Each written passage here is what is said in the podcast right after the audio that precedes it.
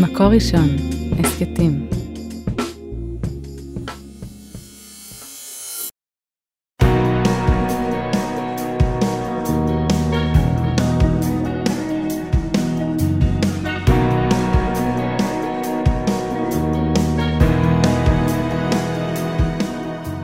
שלום הרבנית חמוטל שובל. שלום הרבנית שירה מרילי מירס. פרשת חוקת, אה, פרשה יפה ועצובה ומתמודדת. יש לנו בפרשה את, אה, את אה, פטירתה של מרים הנביאה, את פרשת מי מריבה.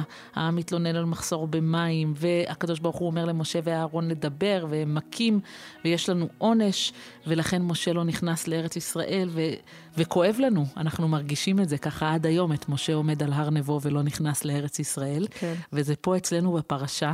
אה, אבל הפרשה רק מתחילה עם פרשת מי מריבה, והיא ממשיכה אחר כך על, אה, על המסעות של עם ישראל והבקשה של משה לעבור את אה, ארץ אדום, ואת הפטירה של אהרון הכהן, ואת הירושה של אלעזר, את התפקיד של הכהן הגדול, הכנעני של מלך ערד שנלחם בישראל, איך ישראל מנצחים, מחרימים את הערים, פרשת נחש הנחושת, ועוד הפעם התלונה של העם, והמחסור במים, והמיצוי של המן, והם מתלוננים על זה, והקדוש ברוך הוא מעניש אותם, ומשה מתפלל. ואז העם ממשיך במסע ומגיע לגבול ארץ מואב, ויש שם את שירת הבאר, ועם ישראל נלחם בסיחון מלך האמורי ובאוג מלך הבשן, ואנחנו מסיימים את הפרשה עם הניצחון הזה במלחמה, אבל בעצם יש לנו בפרשה הזאת חידה בלשית מאוד מאוד גדולה. אז לפני החידה הבלשית, בואו נשאיר פה מתח. אני בשירות לאומי, נראה לי כבר מאזיננו האדוקים יודעים, הייתי מדריכה בכפר הנוער ימין אורג' על הכרמל, ו... את יודעת, כשאתה מגיע למקום עם שירות לאומי, אז, אז את פתאום פוגשת בנות מכל מיני מקומות, וזה נורא אינטנסיבי לחיות בדירת שירות, שנתיים חייתי שם עם בנות נהדרות, ובשנה הראשונה שלי הדרכתי קבוצות מחו"ל, ובשנה שאחריי מישהי אחרת עשתה את זה, והיינו ככה בקשר מאוד מאוד קרוב. את יודעת, ישנים באותה דירה, קמים, עושים עבודה נורא אינטנסיבית, אחראים על המון ילדים, כמעט לא ישנים בלילה, משהו מאוד מאוד מחבר ומגבש. ואחרי שנתיים הלכתי למדרשה, הלכתי ללמוד, המשכתי בדרכי, ולא ראיתי את הבחורה הזאת. את יודעת שהיינו ממש בקשר קרוב, ולפני שנה אה, הייתי עם הילדים בגן שעשועים בירושלים, ופתאום היא ניגשת, היא אומרת לי, היי חמוטל, מה נשמע? איזה מגניב. ולקח לי שנייה, שנייה, אבל אה, זכרתי את שמה, ואמרתי, היי, מה שלומך? ויש משהו בלפגוש מישהו אחרי כל כך הרבה שנים, עכשיו פתאום אני ככה מזווית העין רואה שני ילדים הולכים אחריה ודי דומים לה, ואני מנסה, את יודעת, מה אנחנו עושים? מסתכלים חיצונית, איך היא נראית, מה נראה, מה... ו- ויש משהו מאוד מוזר בלפגוש מישהו אחרי 20 שנה, ו... ולהתחיל למלא את הפרטים בעצם. כן, עכשיו לא היה לנו זמן, הילדים שלי ושלה, כל אחד היה ברצונותיו ו- וענייניו, ואמרנו, וואי, איזה כיף לראות אותך. ולא ידעתי עליה כלום. חוץ מזה שלפני 20 שנה חלקנו אה, דירת שירות וחוויות משותפות ומאוד אינטנסיביות, וזה היה מאוד מעניין, העניין הזה של לחזור לראות, ו- וניסיתי למלא את הפערים בראש. מעניין מה היא עושה, היא הייתה נורא ספורטיבית כזאת, מה היא עובדת, מה היא למדה, אפילו עם מי התחתנה ואיפה היא גרה, אז נשארתי עם התעלומה, אבל זה היה, בכל, בכל זאת זה היה שמח, זה היה כיף לפגוש אותה. והתעלומה היא בעצם שאנחנו עכשיו בשנת ה-40, נכון? אנחנו דיברנו לפני כמה פרשות על חטא המרגלים שהוביל לעונש של 40 שנה במדבר, והופ, אנחנו כמו בפאסט פורוורד כזה, שאפשר לעשות כשרואים סדרה, לקפוץ, אנחנו בשנת ה-40. מה קרה כאן? וזה בעצם כאילו צריך לשים לב ממש, כי זה לא שהתורה אומרת לנו... קפצנו. כן, שימו לב, 38 כאן שנה. קפיצה, כן. שימו לב, כאן אנחנו מסתירים ממכם. אלא אנחנו צריכים ממש לדלות את זה מתוך, ה, מתוך התורה, מתוך הסיפור, מתוך המפרשים, ובעצם זו שאלה מאוד מאוד גדולה, כאילו למה? למה התורה... די, לא הייתי מסתירה, אבל כאילו לא מתייחסת לזה בדרמטיות, לזה שבעצם עברנו פה דור, עברנו 38 שנה, והופס, אנחנו בשנת ה-40. היינו בשנה השנייה, והגענו לשנת ה-40. והאבן עזרא אומר בחודש הראשון, בשנת ה-40, הנה אין בתורה כלל שום מעשה או נבואה, רק בשנה הראשונה, בעצם בשנה השנייה, ובשנת ה-40. וטעם ויבואו בני ישראל כל העדה, בעבור שמתו דור המדבר, ועתה באו הבאים אל ארץ כנען. בעצם אבן עזרא אומר לנו, שימו לב, בני ישראל, כל העדה, זה בעצם כבר לא אותו דור שהיה לנו מקודם, כי חטא המרגלים קיבלו עונש, וכל הדור ההוא מגיל 20 ומעלה בעצם נפטרו, ומי שאנחנו, האנשים שאנחנו מדברים איתם עכשיו, זה או שהם היו ילדים קטנים בחטא המרגלים, והם זוכרים במעומעם את מתן תורה ואת, אה, ואת חטא המרגלים ואת כל מה שקרה במדבר לפני 40 שנה, אבל היום הם אנשים מבוגרים, או שזה אנשים שנולדו במהלך ה-38 שנה האלו, וזה בעצם אנשים אחרים לחלוטין. יש פה דור חדש, יש פה קפיצה מאוד מאוד משמעותית.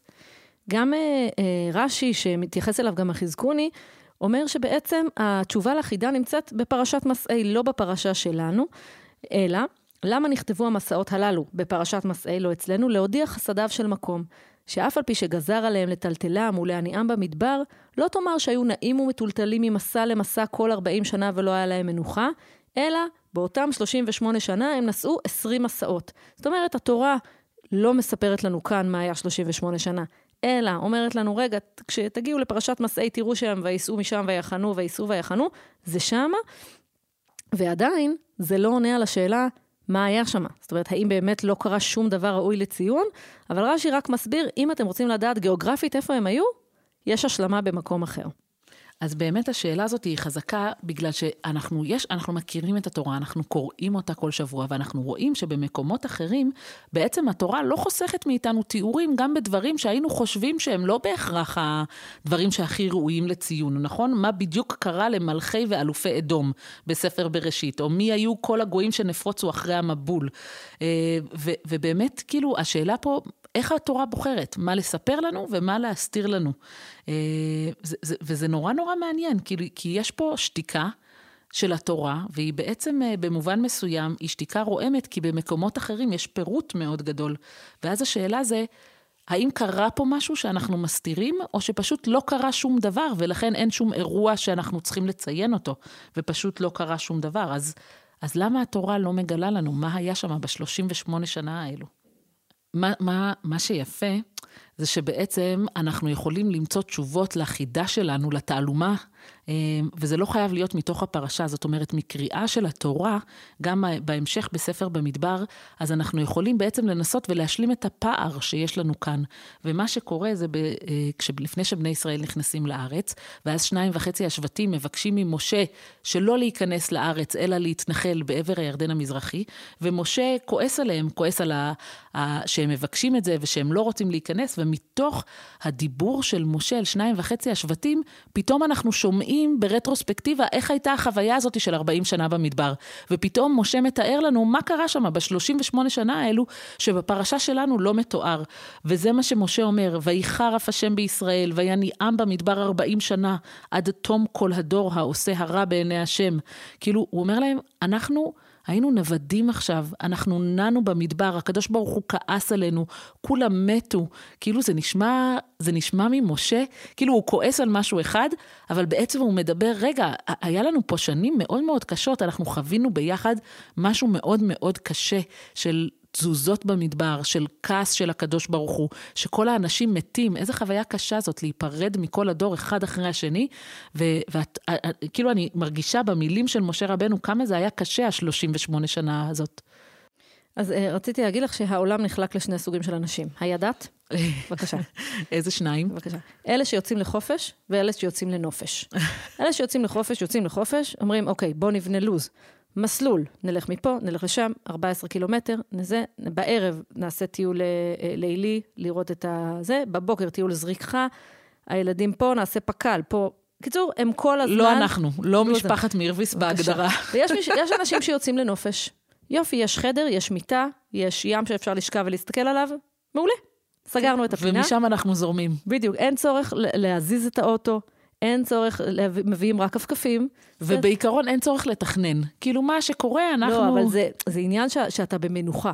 כן. אתה לא... זה זה set of mind אחר. בדיוק. ו, ובאמת השאלה, מה היה שם 38 שנה? האם הם כל הזמן הסתובבו בלי GPS, ממקום למקום, ארזו, פרקו, אוהלים, עניינים?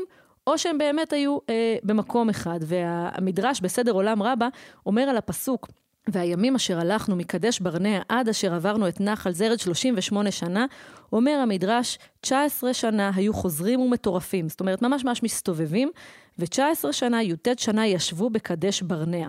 זאת אומרת, היה בעצם התקופה הזאת נחלקה לשתיים. היו 19 שנה של מסעות, וכל הזמן מקפלים אוהלים ופותחים אוהלים, ו- ובאמת מסתובבים במדבר, אבל היו גם שנים שישבו במקום אחד, כי התורה אומרת, ותשבו בקדש ימים רבים כימים אשר ישבתם. זאת אומרת, היה גם וגם. הייתה גם אה, רגיעה מאוד גדולה במדבר, שהם ישבו במקום אחד, וגם היו שנים של מסעות אה, מאוד, אה, מאוד מסובבים, והתורה משאירה את זה, זאת אומרת, כנראה לא צריכים לדעת בדיוק. מה היה בכל שנה, אבל היה גם מזה וגם מזה. ויכול להיות, לא בהכרח שהשנים שלא זזו היו יותר קלות. נכון. זאת אומרת, יכול להיות שדווקא השנים שבהם לא היה לפרק, להרכיב, לזוז, היה יותר קשה ברמה הנפשית של לשבת במקום, לא לדעת מתי אתה זז. הציפייה הזאת היא קשה. ושכולם uh, מסביב מתים לאט-לאט. זה נשמע לי נורא נורא קשה. כן. Uh, מקום נוסף שאנחנו יכולים ללמוד ולנסות להבין מה היה בחור השחור הזה של ה-38 שנה האלו, זה בעצם בספר דברים, שבספר דברים, אחרי שמשה מתאר את מעמד הר סיני, הוא בעצם uh, חוזר ומספר מה היה ב-38 שנה האלו, ואז הוא אומר, uh, וזכרת בספר דברים בפרק ח', וזכרת את כל הדרך אשר הולכך השם אלוקיך ארבעים שנה במדבר, למען ענותך, לנסותך, לדעת את אשר בלבבך, התשמור מצוותיו אם לא, ויענך, וירעבך, ויאכילך את המן אשר לא ידעת ולא ידעון אבותיך. בעצם יש פה שני דברים. מצד אחד יש עינוי מאוד גדול, נכון? יש רעב, שזה נשמע ממש באמת נורא ואיום, חוויה קשה, ומצד שני, יש ניסים מאוד גדולים, ובעצם שני הדברים האלו משמשים בערבוביה. מצד אחד, בשלושים שנה הזאת, האלו, היה קשה. היה עינוי, הקדוש ברוך הוא ניסה אותם, זאת אומרת, הייתה תחושה מאוד מאוד קשה של, של, של עונש, ומצד שני, היה ניסים גלויים, היה מן, היה מים, היה ענני כבוד. זאת אומרת, הקדוש ברוך הוא במובן מסוים, היה פה איזושהי אה, תקשורת דואלית, היה, ש... היה שם איזשהו משהו מורכב. הניסים לא פסקו. הקדוש ברוך הוא לא השאיר את בני ישראל ללכת במדבר ככה על עיוור, כמו שאת אומרת, בלי ה-GPS, אלא היה שם ליווי אלוקי, ו... והקדוש ברוך הוא הראה להם את הדרך, אבל מצד שני, זה היה עינוי. אז גם המדרש, אה, מדרש אגדה על דברים, אומר משהו דומה, אומר, כל מה שעינה אותם במדבר לא עשה אלא בשביל ניסיון להודיע לכל הבריות את אשר בלבבך. להראות גם לעם ישראל וגם לעמים שסביבם, שעם ישראל לא שומר אה, תורה ומצוות כי זה טוב, כי זה נהדר, כי הכל, אה, אה, אה, יש לנו קשת ורודה שמרחפת מעלינו, אלא יש פה הנחיה לשמירת מצוות. ומסביר בעל מחלקי המים, הוא אומר שהשנים האלה היו שנים גם של קושי וגם של עינוי, אבל יש פה איזשהו סוג של התנסות והכשרה כדי להיכנס לארץ מוכנים ומזוכחים יותר. הדבר שעולה לי על הראש זה סוג של אה, אימונים. כן. בצבא, שהם הרבה פעמים קשים ומפרכים ממי שאמר לי, אני לא, לא חוויתי בעצמי, ו- ויש משהו נורא קשה בלעבור אימונים ולהגיד למה. למה? זה על יבש. למה אנחנו צריכים לסבול כל כך הרבה? למה אנחנו צריכים לישון כל כך מעט? למה צריך את כל החוויות הקשות האלה? אבל בתמונה הגדולה, ברור שצריך לעבור טירונות ואימונים. חייבים אה, אה, לעשות את זה כדי להיות מוכנים יותר ומאומנים יותר. ו... אבל כש... כשנמצאים בתוך זה, זה לפעמים מאוד מאוד קשה, ונורא קשה לראות את התמונה הגדולה. כאילו, אני חושבת שבמובן מסוים, כל ה-38 שנה האלו, זה בעצם התהליך. שאין איך לפרט את זה במילים, או אין איך, אין איך להסביר את זה שעם ישראל עובר פה תהליך מאוד מאוד uh, עמוק, גם תהליך פיזי של שינוי דור, גם תהליך של שינוי הנהגה, וגם תהליך נפשי של איזושהי התבגרות, יציאה מעבדות לחירות, זה לא דברים שקורים בן לילה. ובעצם ה-38 שנה האלו, כמו שאת אומרת, זה אימונים, אז אני אומרת, זה, זה התהליך שהם היו חייבים לעבור, אבל התורה לא יכולה להתחיל ולפרט כאילו באמת אתה לא יכול להתחיל ולהסביר את התיאור הנפשי של מה קורה לאדם בתהליך הלמידה הזה, וזה פשוט קורה מעצם הזמן שעובר ומעצם החוויות שהם חווים שמה. הגמרא ביבמות וגם המדרש בבראשית רבה בעצם מתייחס לכך שיש שתי מצוות שדור המדבר הזה לא קיים. עכשיו, אני חייבת לספר שאצלנו בקהילה, לפני קריאת התורה, יש אה, אה, שאלות לפרשת שבוע שמתחלקות לפי גילאים, ויש לנו בקהילה פרופסור, שאני, הוא לא רוצה שאני אגיד את שמו, אבל הוא איש צדיק ותלמיד חכם מאוד מאוד גדול, והוא שואל את השאלות למבוגרים, וכשהוא שואל את השאלות למבוגרים, באמת, הוא שאל שאלה שעד היום נשארה לי בראש ולא היה לי עליה תשובה, ועכשיו כשהגעתי לפה אמרתי, אני הולכת לכתוב לו. הנה התשובה. הנה התשובה. חלפה שנה, מצאתי תשובה. והוא אמר, איך יכול להיות שבני ישראל במדבר לא קיימו ליל הסדר ולא אה, עשו ברית מילה. למה? למה זה היה ככה? ובאמת, רק עכשיו, כשלמדנו את הפרשה הזאת שוב, לקראת, ה, לקראת הפרק שלנו, באמת הגמרא ביבמות אומרת, אה, משום שנזופים היו. זאת אומרת, בני ישראל במדבר, הם היו נזופים. זאת אומרת, הקדוש ברוך הוא ליווה אותם, והיה עננים, והיה מן, והיה באר, אבל היה כאילו איזשהו, אה, אה, היה עונש עדיין, ו, ובני ישראל אה, לא עשו ברית מילה כל ה-38 שנה הזאת. אנחנו יודעים את זה כי בתחילת ספר יהושע, בעצם יהושע צריך למול את כל הדור הזה, צריך לעשות ברית מילה, ומכך אנחנו מבינים ש-38 שנה לא קיימו ברית מילה, והם לא עשו את ליל הסדר, הם בעצם לא קיימו ליל הסדר, וזה... לא היה פסח. לא היה פסח, וזה מוזר, כי זה מצוות שהן כרת. כן. כי זה מצוות שהן מצוות עשה, והן המצוות היחידות שהיו, ו- והם לא עשו את זה. אה, לא עשו ישראל פסח כל 40 שנה שהיו במדבר, אלא בפסח הראשון בלבד. זה בספרי, בזוטה, המדרש בזוטה מספר לנו. ובעצם אה, יש פה שאלה נורא מעניינת, למה זה קרה ככה? טוב, עכשיו אה, במעבר חד, אחד האירועים הקשים, הם מגיעים למדבר צין, עם ישראל. ותמות שם מרים, ותיקבר שם, ומיד אחר כך, ולא היה מים לעדה, ויקהלו על משה ואהרון. אמ, אחד הסיפורים אולי הכי מפורסמים שיש בתורה, הקדוש ברוך הוא אומר למשה, קח את המטה והקל את העדה, אתה ואהרון, ודיברתם אל הסלע. אה, ומשה אומר, אה, שמעו נא המורים מן הסלע הזה נוציא לכם מים, והוא מכה את הסלע. גם uh, משה מאבד את uh, מרים אחותו, וגם יש כאן עוד, פה, עוד פעם התנגשות uh, על מים. כותבת הרבנית צורה לרוזן, שמעון האמורים, זוהי זעקתו של משה על ההיעדרות של אחותו. שימי, היא מראה לנו את ה... שימי לב לאותיות, מרים, שמעון ההמורים, יושב לו על הלב. זה אותו מצלול. כן, יושב לו על הלב, האבל והכאב. על הקטיעה של אחותו מחייו שלו. חייו של משה תלויים במידה בחייה של מרים. זוכרת את uh, תחילת חייו, היא הצילה אותו מהמים, ועכשיו, אחרי, שלה, אחרי המוות שלה, חלילה, אין מים. ו, ואומרת הרבנית צורלה, היא לוקחת אחריות על חייו ביאור ובהאזנה שלו כשהיא מחזירה אותו לאימא שלו. כך גם במדבר, בהנהג, בהנהגה של משה, שאחותו ממונה ואמונה על החלק הכי חשוב בחיים במדבר, המים. ויש פה משבר בפרשה, בפרשת חוקת, שהוא משבר משפחתי אישי של קטיעת אחד הענפים של שלושת המנהיגים שהקדוש ברוך הוא נתן לעם ישראל במדבר, ולכן זה לא מקרי שאין מים, משהו מתייבש אצל משה, משהו גם מתייבש לעם כולו, והוא לא מסוגל לדבר אליהם, כי האבל אה, נמצא אצלו, ולכן מהדהד לו בראש מרים אחותו וההיעדר שלה, והוא אומר, שמעו נא המורים, אני לא יכול לדבר אל הסלע, אני עכשיו מכה. וזה גם אהרון שם. כן. משה ואהרון ביחד מכים את הסלע, כי שניהם אבלים באותה, באותה סיטואציה. ו, והמעבר הזה, שגם השינוי, אנחנו יודעים ש, שמשה נפטר רק אחרי הנאום הגדול שלו בספר דברים, אבל כאילו משה כבר יודע, זהו, הנה, זה, זה הסוף מתקרב, כאילו מרים נפטרת, אחר כך אהרון בסוף הפרשה, ו, וכאילו יש תחלופה של דור, תחלופה של המנהיגים, וזה מאוד מאוד קשה. אה, אני מצאתי אה, פירוש של שד"ל, שכשניסיתי להבין מה היה החטא הגדול של משה רבנו בזה שהוא היכה. בסדר, אז הוא לא דיבר אל הסלע, הוא היכה בסלע, אוקיי.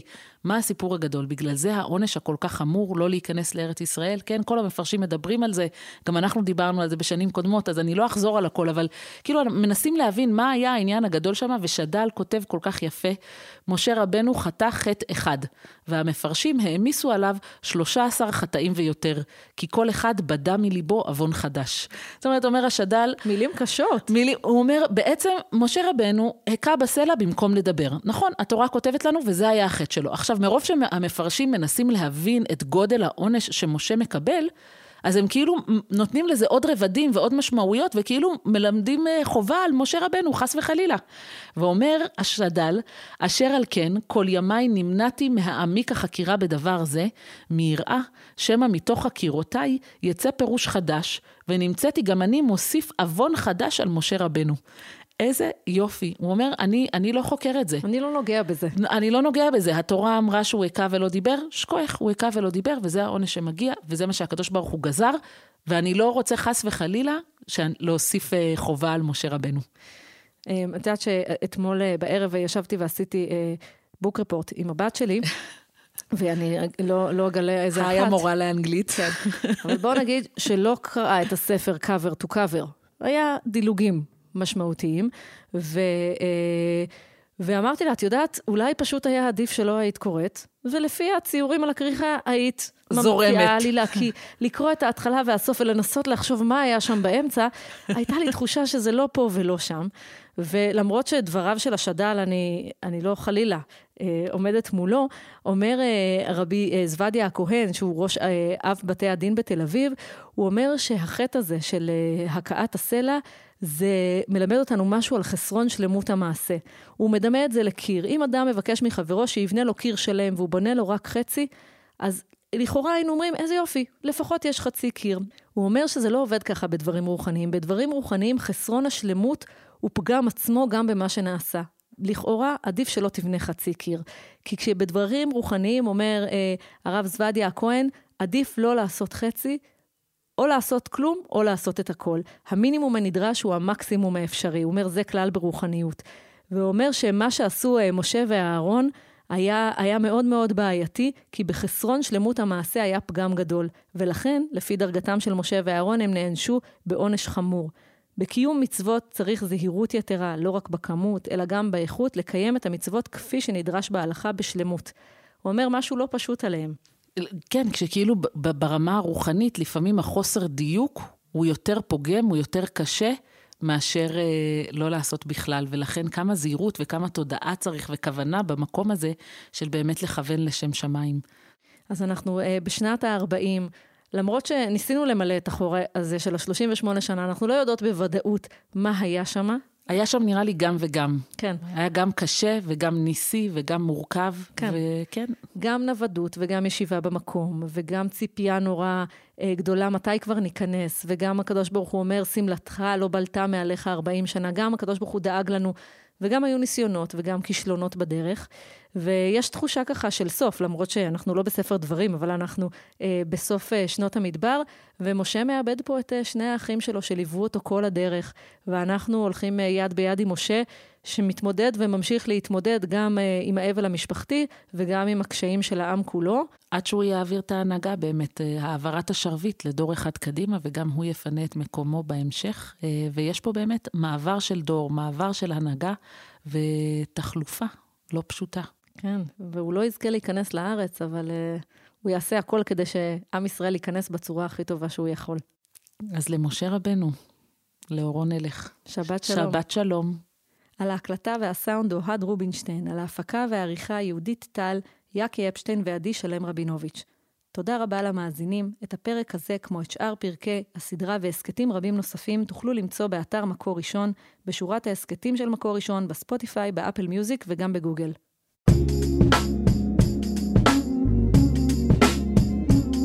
מקור ראשון, הסכתים.